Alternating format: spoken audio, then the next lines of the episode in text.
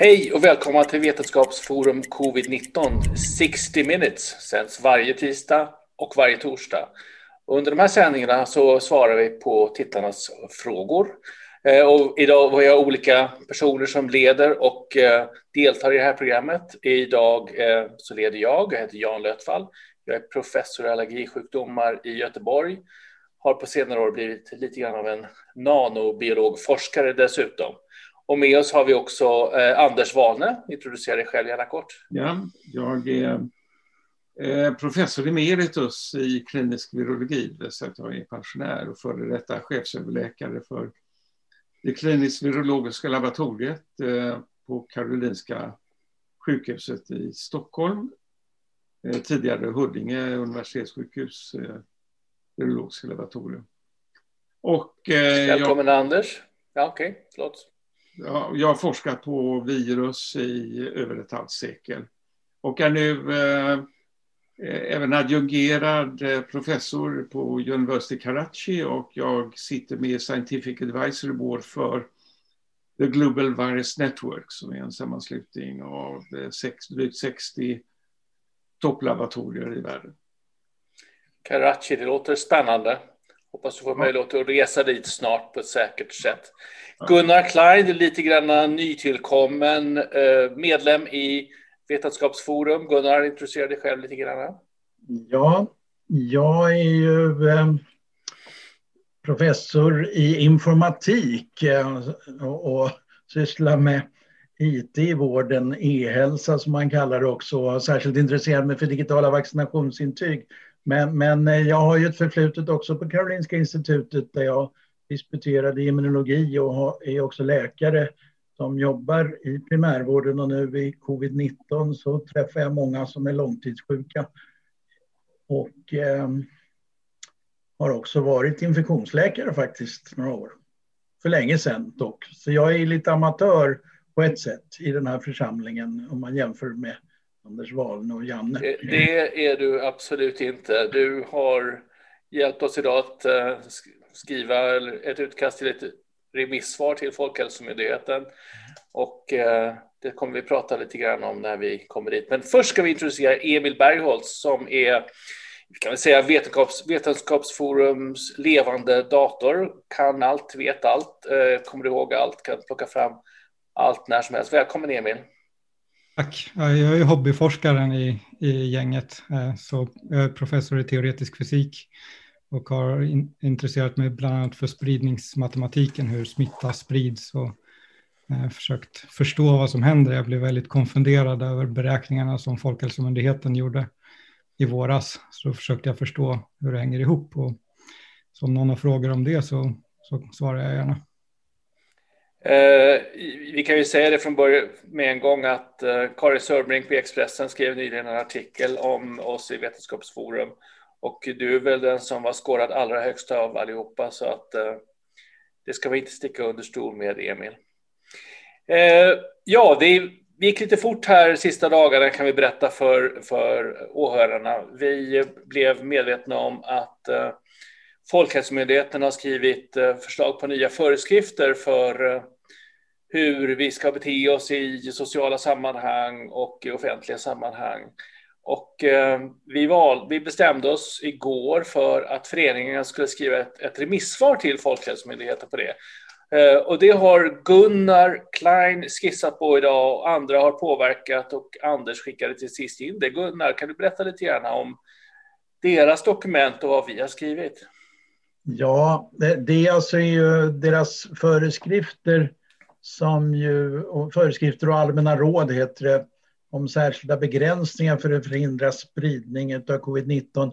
Det är ju alltså inte för, för oss i våra roller som privatpersoner, utan det här är ju ett dokument som reglerar lite hur man ska göra på allmänna sammankomster, kultur och, och eh, idrottsevenemang och även marknader och lite sånt. Och eh, det som man ändrar nu det är ju lite antalet som får samlas men annars är det ju väsentligen samma regler som de har haft tidigare. Att de som gör sådana här, till exempel har en butik, måste anslå hur många som max får vistas i lokalen och så där. Och så har man det fantastiska rådet att man bör kunna tillhandahålla, man bör erbjuda kunderna att kunna tvätta händerna med tvål och vatten. Eh, och det är egentligen det enda, utom att begränsa antalet som de nämner. Och, och, vi har ju i den här föreningen talat mycket om att det här är en luftburen smitta och man måste tänka på ventilationen och inte minst använda munskydd. Så det var väl sådana saker vi ville påpeka. Ska du Anders kanske argumentera lite mer för just hur viktigt det är med... Ja, du, tog upp, du tog upp det idag på, på presskonferensen för Folkhälsomyndigheten ja. idag, Anders, eller hur? Ja, och det var med, med anledning av just uh, vårt remissvar här på uh, det här förslaget på förändrade eller förändringar i uh, deras föreskrifter och allmänna råd.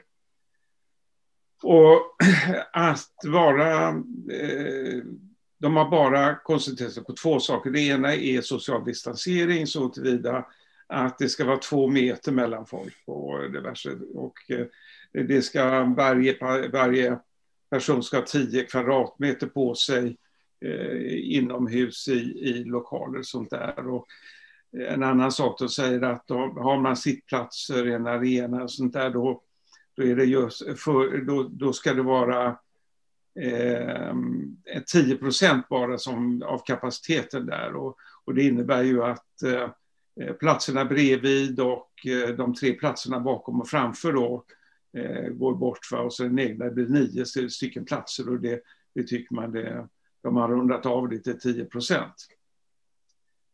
Ehm, that's it. De säger ingenting om att det här är en luftburen smitta eller att det, det kan uh, Eh, då spridas eh, väldigt mycket längre som en aerosol.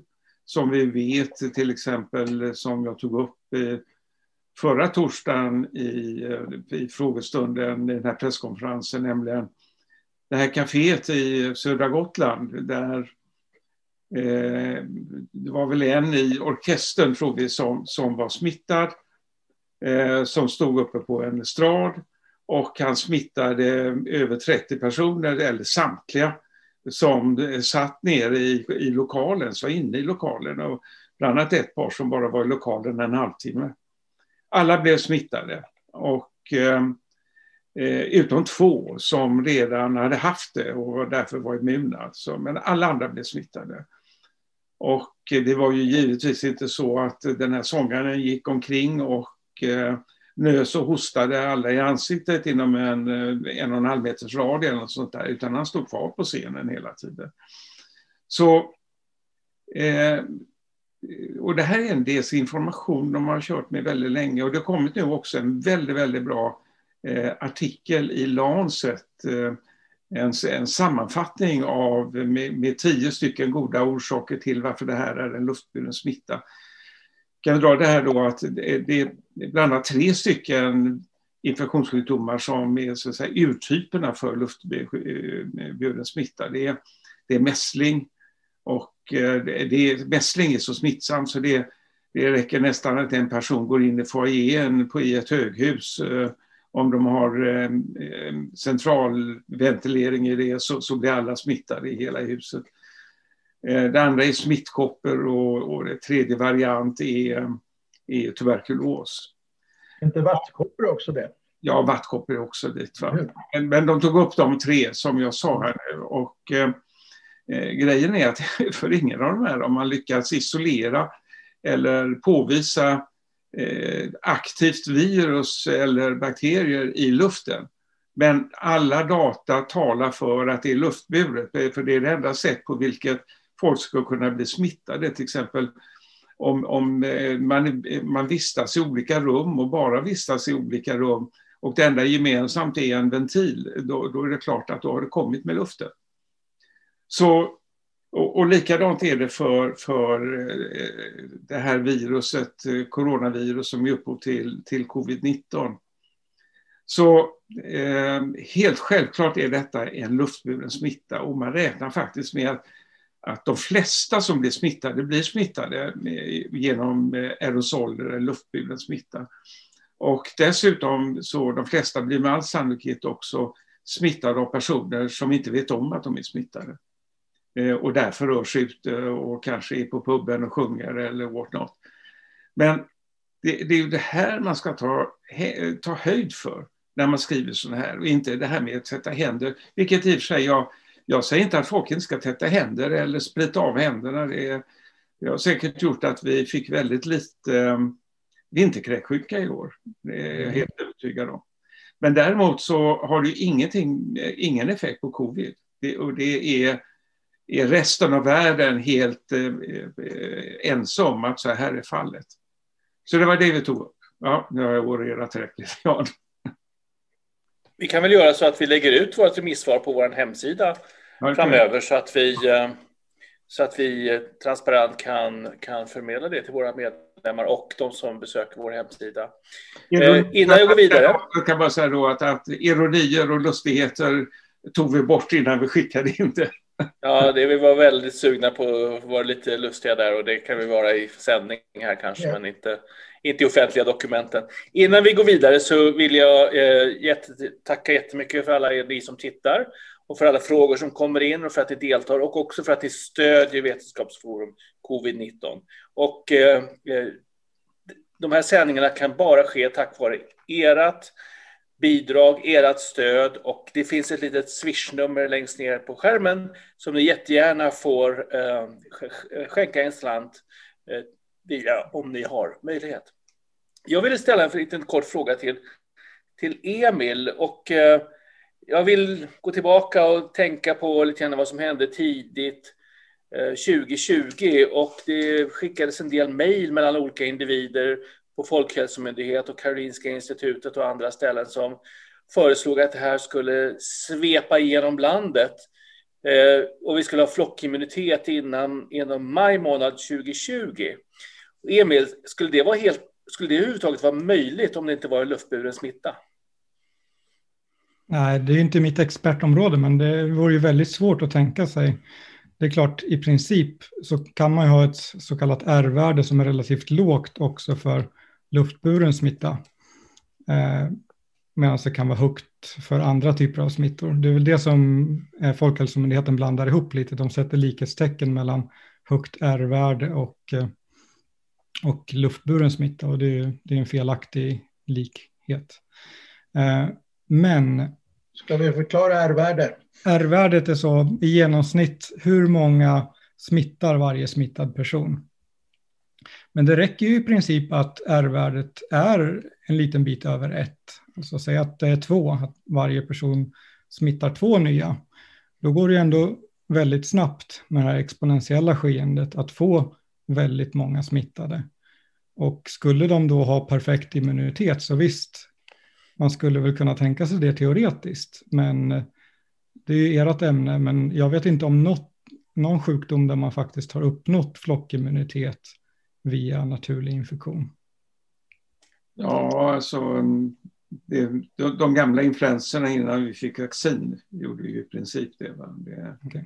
Även smittkoppor gjorde väl det, men, men det var ju liksom ingen långsiktig Nej. immunitet, utan det blev ju, det kom, efter nästa generation, så fort det kommer en ny generation så kom, kom sjukdomen tillbaka. Men det finns absolut inget exempel, vad jag vet, på coronavirus som har lett till, till flockimmunitet. Och, uh, och, och, en sak som, som man kan tillägga där, eller kan tillägga flera saker, men en sak är det att när man kommer upp i flockimmunitet som de räknar med skulle vara 60-70 procent, om man gör det snabbt så får man också kallas overshoot, så man kanske får 80 eller 90 procent som faktiskt blir smittade innan det stannar av.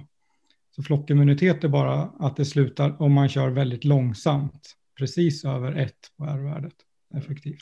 Det här med R-värdet är ju intressant också. Vi får inte glömma det att om vi har en hög smittspridning, så vi har 6 000 som smittas varje dag, och det är 6 100 som, som är smittade nästa dag, så har vi fortfarande ett R-värde som ligger bara lite, lite, lite över ett, men det är väldigt stor smittspridning totalt sett. Så att uh, vi ska inte tänka för mycket på, på R-värdet. Ska vi gå över på lite frågor? Vad säger ni? Låt mig bara säga en ja, sak, yes, en liten sak till. att att man lyckades ju stoppa det första sars-viruset, men det hade ett högre R-värde innan man gjorde någonting. Ja. Problemet här är ju att det nya sars-viruset kan man ju smitta innan man har symptom. Och det är just det som gör det så svårt att stoppa. Mm. Gunnar, du hade en kommentar? Jag skulle gärna vilja tillägga lite också där i att när, när Anders också talar om de här andra virusen som, som mässling och vattkoppor och smittkoppor och sånt, att de är mycket mer smittsamma. Alltså covid-19 är ju visserligen något som man kan få på, på det där sättet, luftburet, men, men eh, det krävs ju ändå en relativt hög smittdos. Att man, bara man går in i ett rum några sekunder så är det inte så att man säkert blir smittad, utan det är ju att vistas längre tider oskyddad i inomhusluft som är väldigt farligt. Plus att det är ju inte riktigt så där som vi pratar om här nu att eh, en smittar två eller 1,1 utan det är en del individer som smittar många fler som sprider mycket mer virus av skäl som väl ingen riktigt förstår varför det är så men det är så det är, det är inte jämnt så att äh, om man har otur så råkar man träffa på en person i närheten som kan sprida smitta till väldigt många. Precis som i det där exemplet på Gotland. Eh, Anders? Ja, jag skulle säga också det att, eh, som, precis som Gunnar sa här, att smittosen spelar en roll, inte bara om man blir smittad utan också hur sjuk man blir. Eh, det är nog många som, som får i sig smittämnet men eh, eh, det tar slut i munnen så att säga och det, går, det kommer inte ner i lungorna och ställer inte till en massa trassel för, för oss. Så eh, det är det stora problemet här, att, eller det, det, det är det det hela handlar om. Och det är därför jag in, personligen, inte, och jag är inte ensam, inte tror på det här med smittade ytor eller något sånt här, att man tar i hand med någon. Det, det är inte så det här smittar, ta i hand och sen slicka på fingret och sådär. Utan det handlar om att, att, att andas in eh, stora doser av virus. Det är då man blir riktigt sjuk. Assad Tagahitse, Taghizade, Taghizade frågar just precis det. Finns det ett enda fall som till exempel Folkhälsomyndigheten har beskrivit som har visat att smittan sker via händer? Jag tror inte det finns ett enda fall i hela världen. Det var den svaran. CDC nämner ju det explicit att de inte känner till ett enda fall. Nej. Det är 10 000 eh. större gånger större risk att smittas via luften, tror man minst. Gunnar? Ja, jag ville ta upp en till sak faktiskt som vår förening tog upp till Folkhälsomyndigheten när man nu ska börja se hur, hur man kan tillåta på något säkrare sätt ändå en del av de här kulturevenemangen och andra sammankomster. Och, och då så slog vi ett slag för att varför inte använda sig av de här digitala vaccinationbevisen som ju regeringen med, med en del andra myndigheter och Folkhälsomyndighetens vaccinationsregister ska se till att det fungerar till första juni har de ju sagt. Och, eh, det har man inte alls börjat eh, ta hänsyn till som en metod för att tillåta sammankomster som då vaccinerade skulle kunna delta i, men inte de som är ovaccinerade och inte har haft sjukdomen och kanske är immuna på det sättet. Utan på något märkligt sätt så är man ju från Folkhälsomyndighetens sida och regeringen bara så att man tänker sig att de här vaccinationspassen ska vi ha för att åka på semester till Grekland. Och det tycker jag är lite konstigt att den diskussionen behöver ju starta eh, för hur vi kan använda sådana saker också i Sverige. Ett litet... Eh, I Norge ja, Anders. Där börjar man inte med det i Norge nu och England, några sådana här och. Danmark har det ju. Det är kravet för att få gå på en krog och ta sig ett glas öl i goda vänners lag så måste man visa att man är vaccinerad eller möjligen att man har just gjort en test inom de senaste dygnen. Lite grann det här med luftburen. Eh, Anders, du gav ett exempel någon gång om någon bekant som gick in i ett nyrenoverat friggebod eller någonting sånt där. Var det, var det inte du som berättade? Ja, det var, det var Olle Isaksson som berättade. Men eh, ja. ett, ett par som hade haft jobbare som hade målat om och, och fixat i ordning en friggebod och Eh, och sen gav de sig iväg och de hade inte träffat de här på hela tiden. Men när de gav sig iväg då, eh, eh, på, grund av att de var oroliga för att, att bli smittade. Så att de var väldigt försiktiga så de träffade aldrig de här. Men sen när de hade åkt hem, så en halvtimme senare ungefär, så, så gick eh, hustrun in och, och besiktigade eh, målningsarbetet, alltihopa det här. Och dagen därpå så ringde den ena av de här äh, målarna och berättade att han just hade insjuknat i äh, covid. Och äh, de hade inte träffat dem, men hon blev smittad och smittade sin man. Och hon blev så svårt sjuk så hon hamnade på sjukhus.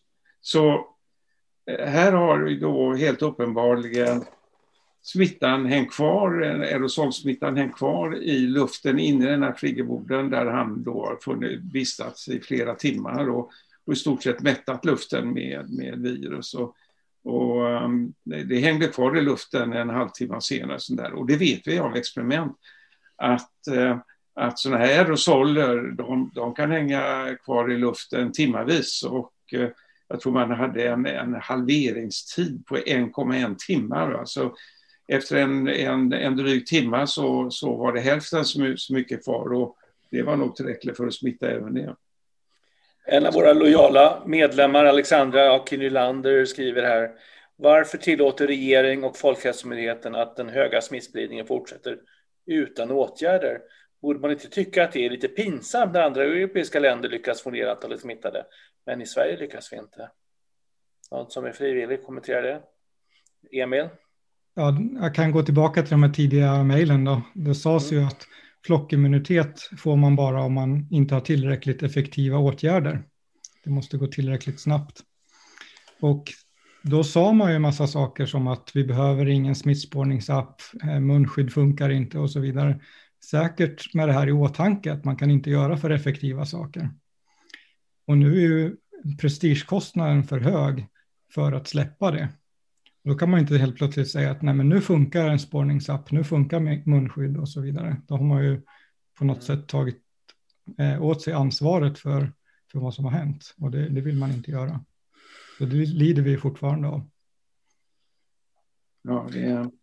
Alltså det regeringen kanske till och med ändrar om eh, eh, målsättningen eh, som de hade i, i, eh, i sina officiella dokument. Eh, och låtsas som om det regnar och har kvar det gamla datumet för, för dem, nämligen det här att de tog bort det här att, eh, att de ska göra allt för att smittas, eh, hindra smittan så att vården klarar av de som blir sjuka. Tog man bort det sista och att de skulle bara försöka bli av med smittan så, så kraftigt som möjligt. Det, och det är på otaliga sådana presskonferenser förra våren så, så sa de ju, eh, företrädarna för Folkhälsomyndigheten, att de vill inte stoppa all smitta. Tobias Pettersson frågar här, kan det vara så att viruset finns kvar i kroppen hos dem eh, med långtidscovid? Eh, en del forskare säger att det kan vara så. Vad vet vi hittills? Hur tänker vi och hur ska man forska på detta? Anders är den som får svara på det här. Ja, alltså i, i olika organ så är det ju svårt eh, så länge man lever att, eh, att ta. Men däremot vet vi att, att det visste vi redan i våras att det kan kvarstå till exempel i tarmen och utsöndras i tarmen under eh, månader. Så, att, så visst finns kvirus kvar och kan det finnas i tarmen under så lång tid så kan det säkert finnas i, i andra lokaler i kroppen också under lång tid. Detta innebär dock inte att man är smittsam, för som vi pratade här tidigare så för att vara smittsam så behöver man nog utsöndra ganska mycket virus i övre luftvägarna. Och, eh, och även de här patienterna som, som får lunginflammation, som då eh, den här svåra eh, coviden, de behöver respirator, det kommer ju efter en 10-14 dagar efter. De kan vara negativa, de har inget virus i övre luftvägarna men har massor med virus i, i lungorna. Så ehm, så, och hur det är med de här eh, långtidscovid, det, det finns då både de som har kvar virus och de som inte har kvar virus. Det är komplexa system. Är komplexa. Vi, vi vet inte helt enkelt. Sen kommer faktiskt en fråga som jag känner mig manad att svara på lite grann. Eh, vill så gärna få vaccin men är av allergolog avrådd på grund av tidigare reaktioner av vaccin, skriver Lotta Medailleux. Eh, min uppfattning är att de vacciner som vi har idag till, för, mot covid, till exempel mRNA-vaccinen, innehåller inte de komponenter som tidigare vaccin som till, möjligtvis kan ha gett allergiska reaktioner tidigare. Så att jag som allergolog skulle faktiskt inte avråda från att ta vaccinet, utan skulle råda att, att ta vaccinet. Men självklart observera och kanske sitta, sitta, kvar på mottagningen en halvtimme istället för en kvart för att se till att se att ingen allvarlig reaktion händer. Anders, har du någon fortsatt kommentar på det? Nej, och i så fall helst då mRNA-vaccin som är ju otroligt Exakt. Eh, eh, vacciner. Det, det, är det, det är de renaste vaccin vi någonsin har haft. Sen, sen har du en liten uppföljande fråga här, eh, Lotta. har klarat av två barn hemma med covid-19-smitta och har själv, men har själv inga antikroppar. Hur stor sannolik är det att jag har ett T-cellsförsvar utan antikroppar? Eller varför blir alla, alla familjemedlemmar inte alltid smittade? Också lite din fråga, Anders, men jag kan stötta ja. dig. Okej, okay, alltså eh, vad vi har sett eh, tidigare det är att av de som är smittade som blir PCR-positiva så är mer än 95 procent utvecklar antikroppar. Så eh, till att börja med så, så är det då eh, en på 20 på sin höjd som, som inte får antikroppar som har blivit smittad. Eh, så det, kom, det händer de facto. Ska vi komma ihåg att eh, detta virus är, är synnerligen känsligt för vårt medfödda immunförsvar, det är eh, naturliga immunförsvar, det som på engelska kallas för innate immunity. Och det är det som oftast gör, det är det som gör oss friska ifrån nästan alla virusinfektioner. Vi hinner inte utveckla antikroppar och T-cellsimmunitet innan vi blir friska från virusinfektioner. Utan det är, det är så kallade interferoner och naturliga mördarceller och en massa annat sånt där som, som tar hand om, om virusinfektionen innan. Och coronavirus är störtkänsla för det här naturliga immunförsvaret, all synnerhet är de här proteinerna vi kallar för interferoner. Och därför har ägnar sig, eller har coronavirus eh, avsatt halva sin arvsmassa för att, det ska, att virus ska kunna gå under radarn eh, och inte sätta igång det här eh, naturliga immunförsvaret Eh, som, alltså, som kommer omedelbart. Och, ehm, eh, så det, och, det är ett av skälen till att inte alla blir smittade med en gång. För det, för det, det lilla virus som tas in, det tas an och sen visste vi, åtminstone för den förra varianten, innan den brittiska kom in och tog över, så var det bara högst 30 procent av de som var smittade som smittade vidare. Jag kan säga i min egen familj, eh, ett av mina barns familjer, så var det en person som blev smittad men smittade ingen av de fyra andra i familjen. Och de levde ändå ihop. Jag, och jag känner massor som blev smittade i våras som inte spred inom familjen. Så Eh, det är inte så konstigt. Eh, jag vet inte nu, men andra här eh, i Vetenskapsforum har nu, eh, deras känsla är att, att eh, nu sprids det mycket kraftigare även inom familjer. Att det, den här nya varianten, brittiska varianten, den är mer smittsam. Inte bara det att den är mer smitts att man utsöndrar mer virus, vi som inte haft det är mer mottagliga också. Så det är, det, är, det är dubbelt illa så att säga med, med den nya brittiska varianten. Så vårt, vårt svar till Lotta Medailleux är att antagligen har du inte blivit smittad utan, utan dina barn eh, spred helt enkelt inte smittan till dig. Vi får inte glömma att den bästa markören för, som visar på ett T-cells eh, immunitet är just antikroppar. Väl, väldigt få har en T-cellsimmunitet, specifikt T-cellsimmunitet utan antikroppar. Det som Anders pratade om var innate immunity, det är någonting annat. Eh, så att, mm. rådet Lotta från mig som allergidoktor är att ta ett vaccin, ta ett mRNA-vaccin. var, var beredd, stanna kvar på mottagningen i en halvtimme och se till att du inte får någon reaktion. Får du någon reaktion så finns det sjukvårdspersonal där och tar hand om dig och eh, använda adrenalin eller annat för att behandla eventuella allergiska reaktioner. Eh, Mikael Rosendahl ställer en svår fråga här och det, det är nog eh, Emils favoritfråga nästan tror jag. Eh, han påstår här att under 2020 hade vi en normal dödlighet i Sverige och hittills under 2021 har vi en underdödlighet. Vad säger vi om det? Nej, vad menas normal dödlighet i sådana fall per person om man går tillbaka till 1800-talet? Då är det klart vi levde väldigt bra förra året. Men det är inte en relevant eh, jämförelse. Dödligheten, även i absoluta tal, även om vi har blivit fler och fler, har gått ner år för år. Eh, 2019 hade vi en, eh, dödlighet som var några tusen lägre än 2015 till exempel. Och överdödligheten låg på ungefär 7000. Det har varit ett antal väldigt dåliga eh, undersökningar som har kommit ut i media som har flera fel. Till exempel så slutade de räkna döda i Sverige i mitten av december. Och då missar man en stor del av andra vågen och naturligtvis alla andra som dör i december. Och i december är en av de månader som, som det dör flest. Dessutom, till exempel den här brittiska studien som har citerats väldigt mycket i svensk media, eh, tog inte med de eh, 2 3 tusen personer som inte hade fastställt dödsdatum. De räknas helt enkelt inte med. Och gör man inte det så får man ju helt galna siffror. Eh, och det är inte bara Sverige som fick galna siffror. Eh, jag tror det var Bulgarien som var ett av de värst drabbade i höstas. De hade ännu mindre överdödlighet än Sverige. Jag tror Sverige, den brittiska, hamnade på 1,7 procent.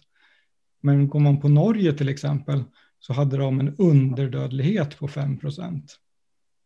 Och då liksom, är man van att titta på siffror så tänker man okej, okay, 5 procent när det är så stora tal, det här kan inte vara rätt. Och, och, så är det också. Vi hade en dödlighet på, jag tror det var ungefär 98 000 enligt SCB. E eh, och det är nästan 10 000 mer än året innan. Så att säga att det är underdödlighet, det, det är helt fel. Och dessutom kan vi säga att vi, eh, vi har mindre dödlighet i influensa till exempel under förra året. Och vi har lärt oss nu att vi kan slippa influensadödlighet om vi sköter oss på ett bra sätt. Absolut. Gunnar, har du någon kommentar på, på detta med dödlighet och dödlighetsmatematik? Nej, jag, jag har inte räknat på det, men, men eh, jag har väl läst eh, sånt också som verifierar vad Emil säger. Eh, så att eh, visst har vi haft en överdödlighet under pandemitiden, men inte just under förra sommaren till exempel. Då var det ju väldigt lite smittspridning också. En, en sorts underdödlighet tror jag jämfört med tidigare år. Men, men eh, eh, sen är det ju lite frågan om man tycker att eh, 14 000 döda som vi har nu med bekräftat covid-19, är, är det liksom lite eller acceptabelt eller tycker vi inte att det är ganska onödigt och förfärligt? Emil, hade du ett snabbt svar där? Ja. Två, två, exempel som jag tycker är talande. Ett är spanska sjukan som drog in i Sverige 1918 till 1920.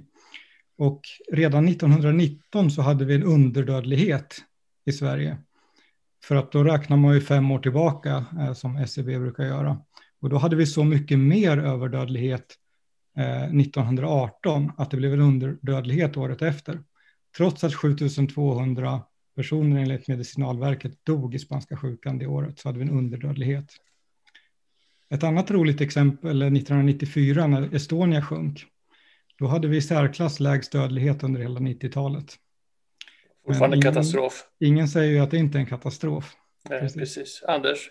Ja, jag skulle säga det att eh, det här är en allvarlig sjukdom och det räcker att prata med vilken eh, eh, som jobbar på intensivvårdsavdelningarna i vårt land och höra efter om, om det här är en överdrift med det här med att covid eh, har drabbat oss och det, det var en massa nys. De, de går på knäna och eh, de eh, har 50-60 timmars arbetsvecka och är fullständigt slutarbetade.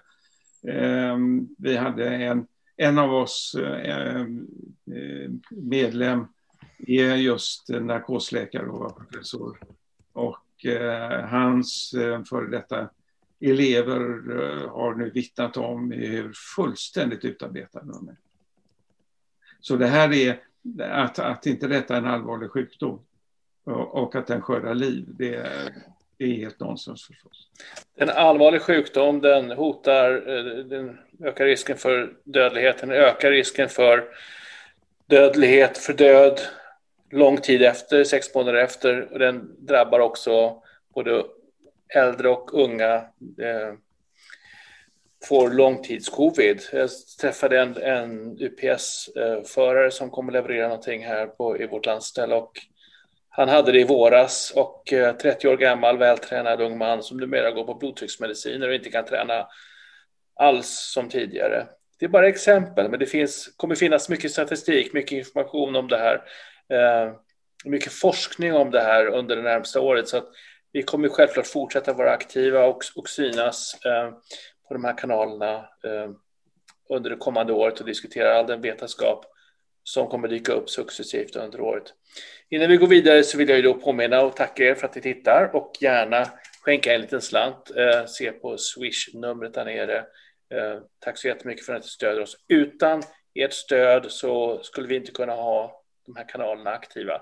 Vi har ju proffshjälp som ni märker Eh, för att sända de här sakerna. Så att, eh, tack så jättemycket. En lite komplicerad fråga från Anna Westergren, i alla fall lång. Min svåger och syster är sjuka i covid-19 just nu. Min systerson hade covid-19 i november, det vill säga ett bra tag sedan och eh, fick då svar från smittskyddet att han inte omfattades av karantän utan kunde fortsätta gå till sitt jobb, vilket han då har gjort. Eh, nu har eh, den här systersonen som är 21 år gammal fått, svar, fått symptom igen. Eh, och, eh, men, men, vi vet inte om han fått, fått smitta, men det kan ju mycket väl vara så. Så ett, det var lite konstigt att han inte behövde sitta i karantän. Det är det ena. Och eh, det andra är att han verkar ha fått covid trots att han har haft det bara för ett halvår sedan. Och eh, hur, ser vi, hur ser vi på detta? Vad finns det för forskning? Vad finns det för know-how? Anders, det är din favoritfråga. Ja, det kan jag säga. Ja, man kan bli smittad två gånger. Eh, det är helt klart. Och det är eh, inte ovanligt för just coronavirus att så är fallet, för man bildar inte, väldigt ofta inte så jättebra immunitet efter en genomgången infektion.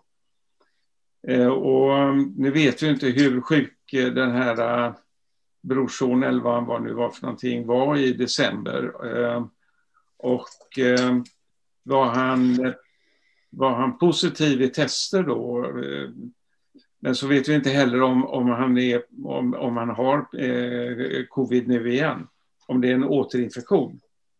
Men de här nya mutanterna som kommer, de har ju en förmåga att eh, en bättre förmåga att ge en infektion hos någon som redan har haft det.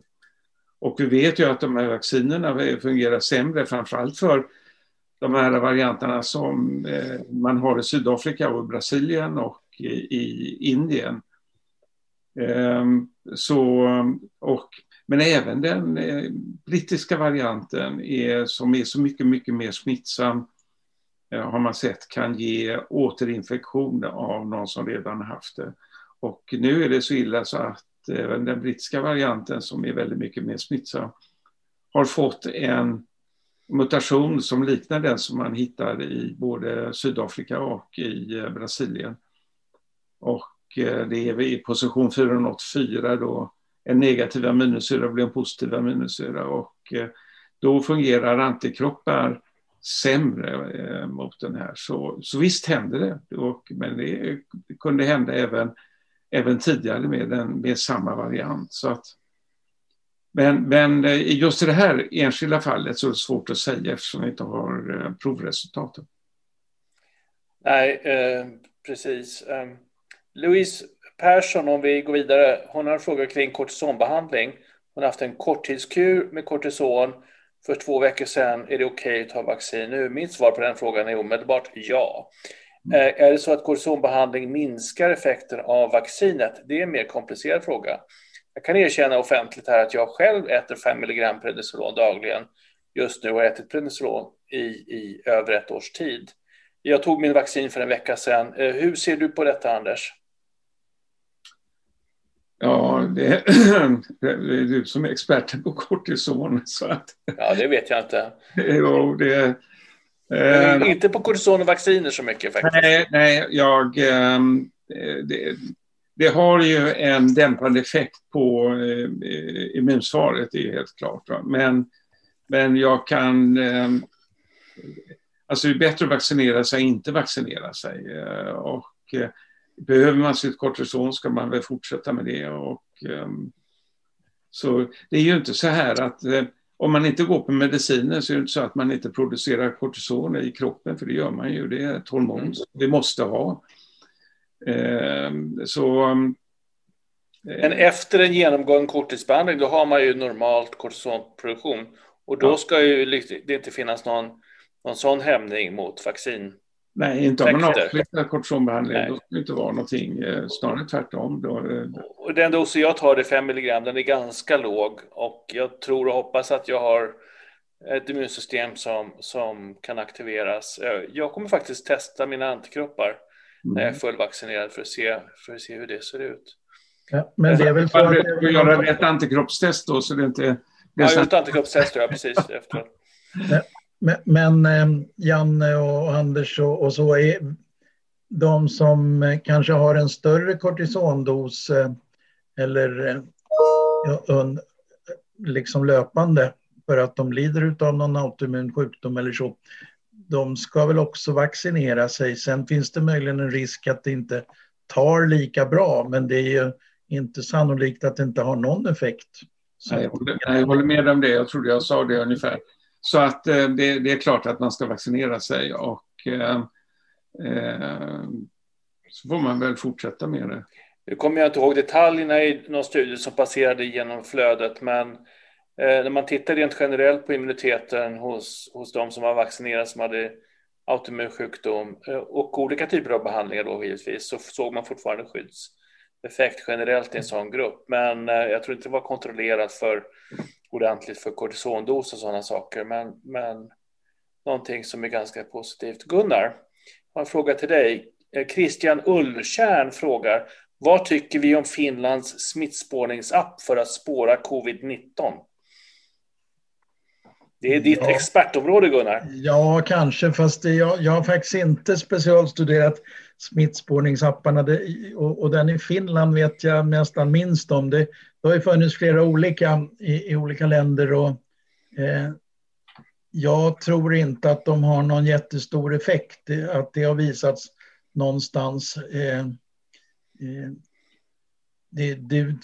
Korea då, de hade ju väldigt, in, väldigt intensiv ja. smittspårning. Eh, när de fick stora kluster där på hösten så gick de ut med sin... Det, det, eh, alltså ett, ett syfte med dem är ju att man när någon har blivit sjuk så ska man veta vilka man faktiskt haft kontakt med mm. under de senaste dagarna när man kanske då var symptomfri eh, smittbärare. Då kan det ju vara värdefullt för alla. Man, alla uppmanas ju nu att kontakta de personer man har varit i kontakt med de senaste 48 timmarna. Och det är ofta ganska svårt att komma ihåg och, och det kanske är personer som man inte ens vet vad de heter eller hur man ska kontakta dem. Eh, men eh, en, en del smittspårningsappar, de har ju liksom på något sätt tänkt att man i realtid ska undvika folk som möjligen är smittosamma. Det tror jag inte kommer att fungera. Nej, nej, det är ju smittspårningen som jag har sett som den viktiga komponenten i detta. Jag kommer ihåg, Eh, det är också flera månader gamla information, men att i Korea så, jag misstänker att det är deras chattapp som heter Kakao Talk som eh, kartlägger var folk har varit eller om det är någon annan app. Eh, och då isolerade de, när de fick ett klusterutbrott så is, i sol så isolerar de, tvingar de folk att testa sig och isolera sig väldigt snabbt och intensivt för att, för att eh, krossa den våg som var på väg. Eh, vi kanske inte har den kraften i våra politiska beslutssystem för att ta de initiativen. Jag vet inte. Någon kommentar? Jag vet inte, men ja, förnuftsmässigt, även om Gunnar inte tror så mycket på det, så tror jag det är, kanske är bättre än att tvätta händerna. Jag vet inte. Det är mycket möjligt. Jag har för mig att i Finland så identifierar de var tredje fall eh, genom den där appen att de signalerade när man hade varit nära någon i mer än 15 minuter. Och så fångar de en ganska ordentlig andel och, och det ger ju mycket i längden. Det blir ju kaka på kaka så att säga om man bryter de där smittkedjorna.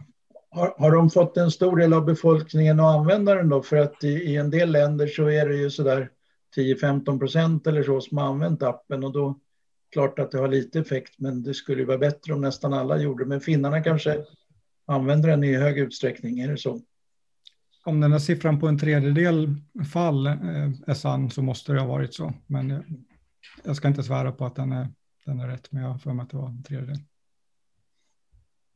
Klaus Röjum frågar här, vad har smittskyddsläkarna för egna behörigheter i sina egna län under, under den eh, juridiska situation som vi har just nu? Ja, då skulle vi haft Åke Gustafsson med oss här, för han kan ju det där. Men om jag förstått saker och ting rätt så, så är de envåldshärskare i, i sin region. Eh, så de kan, eh, de kan hitta på i stort sett vad de vill. Så de, det är så, Men jag menar i, så, i, i Västra Götaland? Alltså, Folkhälsomyndigheten har, är, eh, är inte chefer för uh, smittskyddsläkarna i regionerna. Utan, uh, men de kan ju givetvis då via regeringen ge förhållningssätt som, som, som inte smittskyddsläkarna kan säga, det skiter vi i i Västernorrland i till exempel. Men de kan, de kan, de kan var och en på varsitt håll eh, hitta på nyheter som till exempel att i Stockholm så bestämde smittskyddsläkaren att, att i alla offentliga byggnader så ska man ha munskydd. Och det är därför riksdagsledamöterna sitter och har munskydd på sig i riksdagen. Det har inte Folkhälsomyndigheten hittat på utan det har smittskyddsläkaren i Stockholm gjort. Smittskyddsläkarna i, i Västra Götaland har också rekommenderat eh, munskydd i offentlighetssammanhang. Men jag kan ju säga det som, som boendes i Västra Götaland att, att det är inte speciellt väl efterföljt. Eh, någon ytterligare kommentar på den? Klaus, eh, tack för frågan, frågan Klaus. Eh, eh, Emma Bergström frågar, är vi vaccinerade? Jag har redan berättat om min vaccinering. Jag fick Pfizer. Anders, du fick AstraZeneca. Jag fick AstraZeneca, ja. Gunnar? Astra först, Pfizer sen. Astra först, Pfizer sen och Emil? Eh, Pfizer, jag är riskgrupp. Jag har inte fyllt 65. Så att... Alltså vi klagar ju lite grann på att Emil inte har grått hår för det här är ju annars någonting som krävs för att vara med i den här tv-sändningen. Skämt åsido, vi går vidare.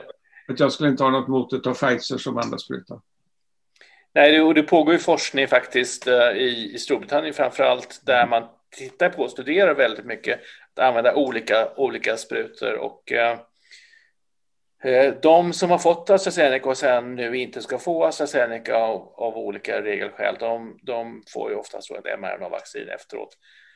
Sen, sen rekommenderar folk att man ska vänta nio veckor efter AstraZeneca för att få sitt mRNA-vaccin. Hur, hur är det med det? Är det rätt eller fel? Eller jag vet inte, kanske. nio veckor för att vaccinera, omvaccinera sig överhuvudtaget. Och, eh, mm.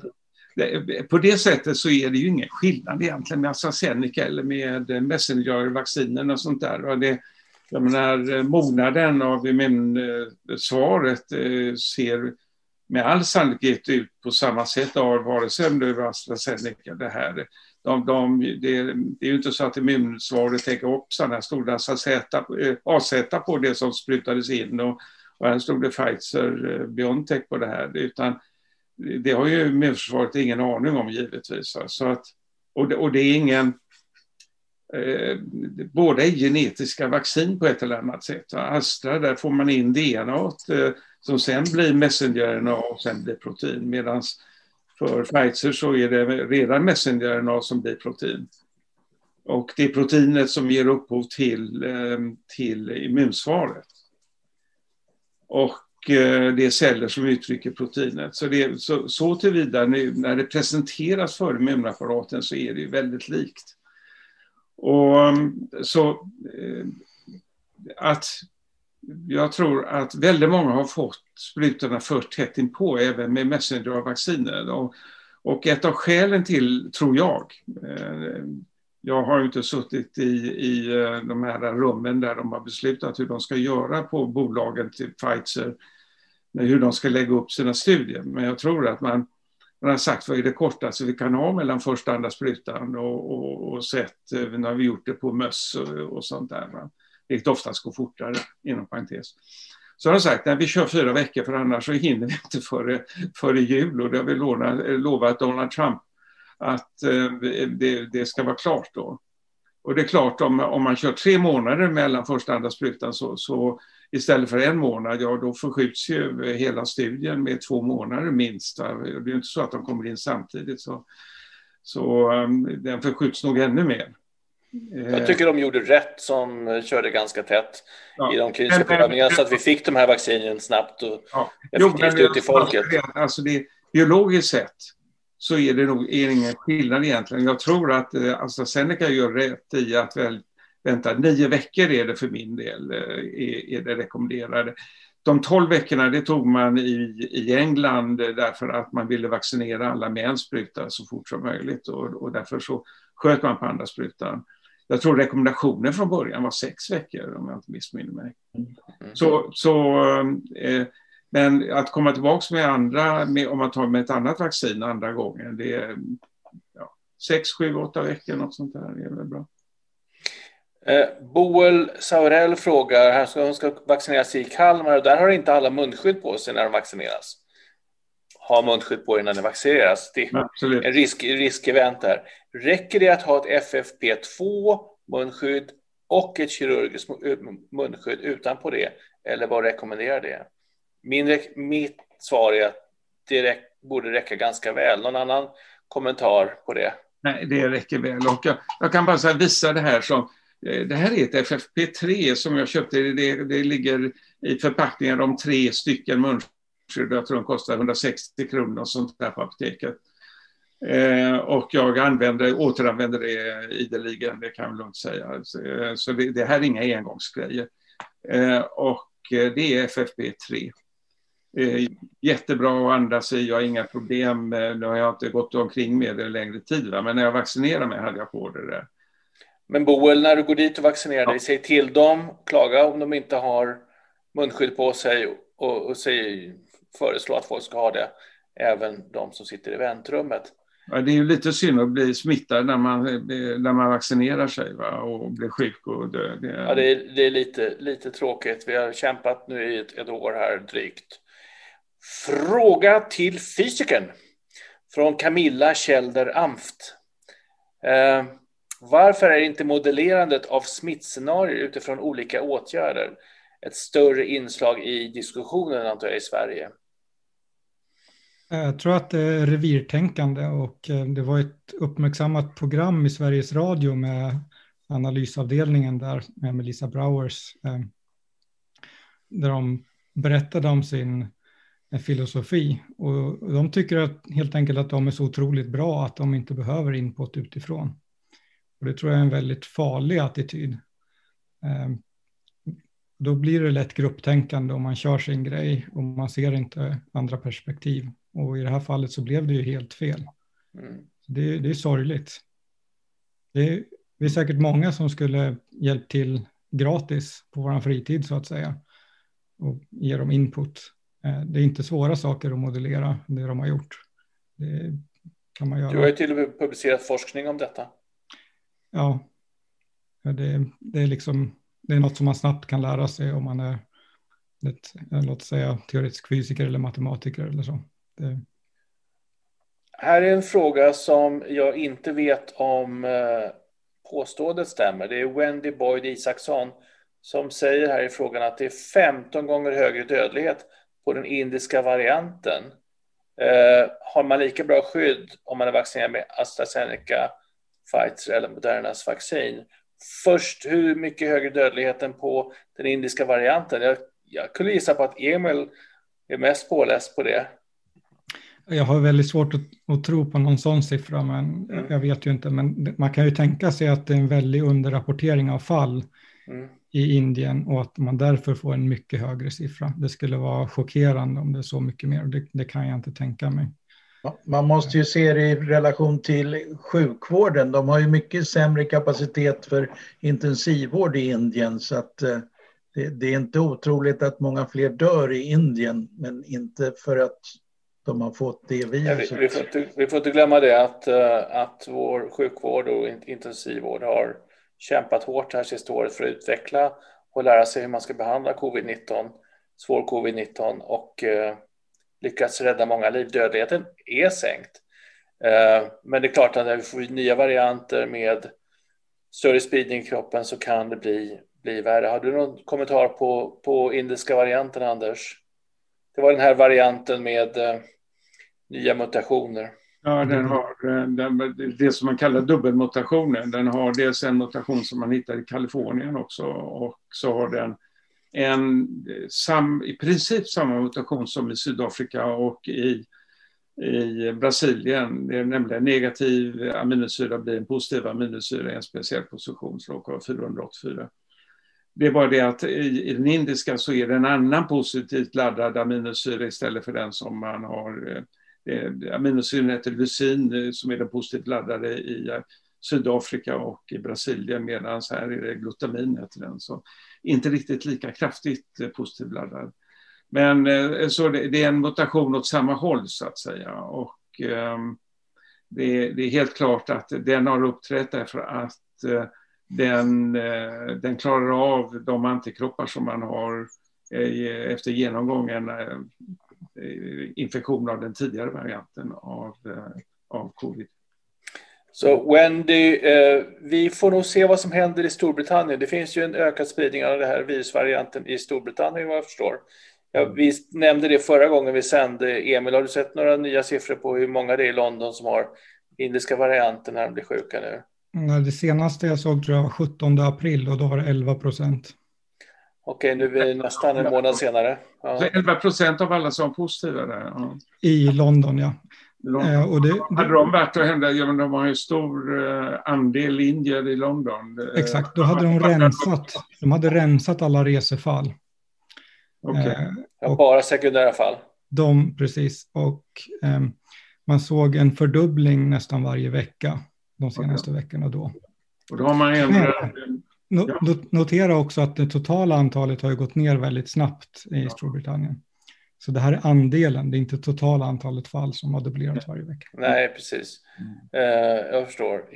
Det är bra. Uh, Wendy, vi får nog se vad som händer med den här virusvarianten uh, i, i länder som har, har lite bättre statistik och bättre sjukvård för att verkligen veta om det är så mycket högre dödlighet eller om det överhuvudtaget är någon ökad dödlighet. Det vet vi inte direkt. Hanna Berg Björkqvist har en, ett viktigt meddelande. Hon jobbar som smittspårare. Och eh, idag säger hon att det är ofta hela familjen som är sjuk och smittad nu. Så att eh, det stödjer ju vårt intryck. Det är inte forskning, men det stödjer vårt intryck. En sista fråga. Det är många som vi inte hinner ta och vi beklagar det. Tack så jättemycket för att ni är här och att ni lyssnar och att ni, eh, ni ställer många frågor. Tina Selander, när jag förra året fick covid-19 helt utan symptom eh, upptäcktes vid inledningen, eh, eh, hade hon cytostatika och immunterapi. Ky, eh, Keytruda. Kan det vara immunterapin med, eh, som har gjort att hon, att hon inte insjuknade? kemoterapin eller immunterapin? Ja, alltså... Det här var avancerade frågor, riktigt ja, intressanta. Ja, det är intressant. Det, det är klart att um, den effekten... Det kan ju vara så. Mm. Det, um, det, det här kommer ju vara väldigt svårt att göra en klinisk studie på, det kan jag väl ändå säga. Men, men eh, att hämma, hämma immunsvaret och, och det inflammatoriska svaret är som man får en hämning av givetvis vid mm. eh, cytostatikabehandling. Det, eh, alltså här, här har det skett en, en, bara under de sista 20 åren och, och knappt det, en, väldigt, en, en total omsvängning i hur man behandlar infektioner och virusinfektioner. Eh, för man var väldigt rädda att ge immun, eh, sådana som hämmade immunapparaten tidigare. Eh, av det skälet att man ville få eh, igång den antivirala eh, immuniteten. Men när man började inse att, eh, att det var just immunapparaten som gjorde en sjuk, Eh, det inflammatoriska svaret som, som gav sjukdomen så, så har man nu börjat eh, hämma det inflammatoriska svaret. Och det är klart att eh, fick du cytostatika så är det ju en väldigt kraftig hämning av, av det inflammatoriska svaret du fick samtidigt. Så att, eh, det, det, kan vara möjligt att det är därför du inte blev sjuk. Å sidan Ja, förlåt. det kommer så mycket bra frågor här och vi har egentligen gått över våra 16 minuter. Gunnar är ju gammal cancerläkare så det kan... Ja. Det, det, är många som ju förstås eh, har en helt symptomfri infektion utan att behandlas med immunhämmande ja. medel. Så det är ju också en klar möjlighet. Att, att jag menar att det skulle skydda emot svår infektion är inte alls otroligt. Mm. Men jag tänker att man om, om inte det naturliga immunsystemet som du pratade vackert om liksom helt tar hand om det så borde man väl kunna få åtminstone lite snuva och så ja. av eh, primärinfektioner med viruset som en del får. Men det är ju långt ifrån alla som får det. Lotta Åkre jobbar eh, på akutgeriatrisk avdelning och har covid-smittade mest hela tiden. Om man testar positivt på snabbtest men har ett negativt PCR kan man då ses som eh, icke-infekterad. En gång till. Positivt på? Positiv snabbtest. Ja, Negativ PCR. Ja, alltså det förstår jag inte hur man kan ha. Ja, det eh, kan vara falskt positivt eh, snabbtest förstås. Ja, det är ett falskt positivt snabbtest. Ja. För att, eh, men däremot så kan man ju ha motsatsen, nämligen ett ett så att säga falskt negativt eh, antigentest men ett positivt PCR-test. Mm. Då, då per definition så är det ju falskt negativt. Å andra sidan så är antigentesten ändå användbara därför att det är, är man är det negativt då har man inte jättemycket virus i övre luftvägarna och är med all sannolikhet inte smittsam. Mm. Så att skilja, skilja agnarna från vetet, de här som är smittsamma från de som inte är smittsamma, så så fungerar det även om man är smittad. Men PCR-testet är möjligen väldigt tillförlitligt om allting görs perfekt, men i praktiken är det inte så. Så att en del som faktiskt har sjukdomen får inte positivt PCR-test. Så är det ju också. Man kanske inte stack in pinnen tillräckligt långt i näsan eller det var något annat som blev lite fel. Det, det finns ju en hel del sådana fall också. Ja, jag tror, ja, ja jag, jag skulle nog eh, test, jag skulle nog se det som att personer, det är svårt att säga, men personer kanske trots allt är infekterad och att man får ta ett nytt test dagen efter för att konfirmera om det, om det är negativt eller positivt igen. Ja. Det är mitt råd. Eh, vi har gått över 60 minuter, men jag kan inte låta bli. Orkar ni några, några minuter till pojkar? Yes. En minut. Lisa Meiler, en minut till. Lisa Meiler, eh, en av våra, eh, lo, eh, våra lojala medlemmar. Varför är det inte fler som protesterar? Varför är det inte fler vårdpersonal som protesterar? Alla som har tillgång till information, information anhöriga till sjuka och döda. Var är vårt civilkurage? Ja, och civil, civilkurage, det har Lisa Meiler. Ja. Jag kan säga att jag är lika eh, förvånad som Lisa. Jag eh, är eh, redan i, i våras så förstod jag inte hur, hur läkarkåren kunde bli duperad på det här sättet. Det är, det är fortfarande för mig en gåta. Det är, och, och det här hur man behandlade gamlingar i våras, det, det, det är för mig en gåta också. Att, menar, det, att, att ge morfin istället för syrgas och allting vad man höll på med. Det, jag, jag förstår det inte Lisa. Nej, jag håller med.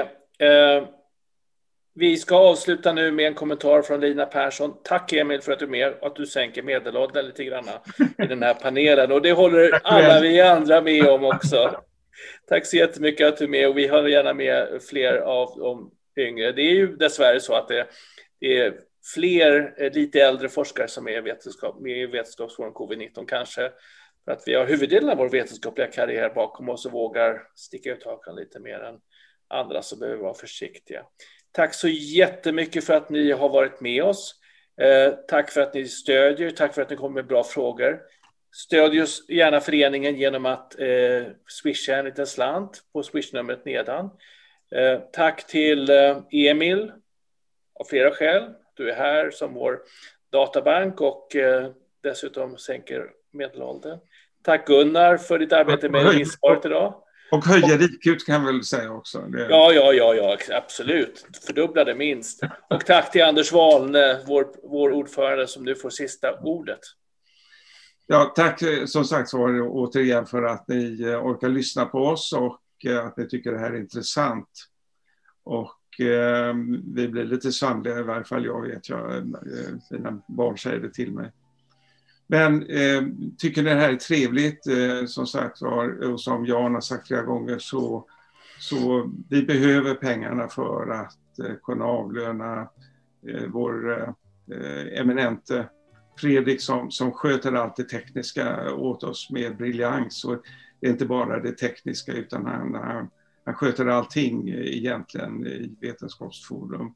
Så att vi kan ha de här eh, sändningarna och och så vidare och ha hemsida och what not. Sociala medier. Och vi lever lite grann eh, ur hand i handske så att ehm, eh, stöd oss gärna. Tack. Tack så jättemycket allihopa. Vi ses på tisdag nästa vecka. Kanske med en annan grupp individer. Vi får se hur det blir. Tack och hej. Tack. Sov gott.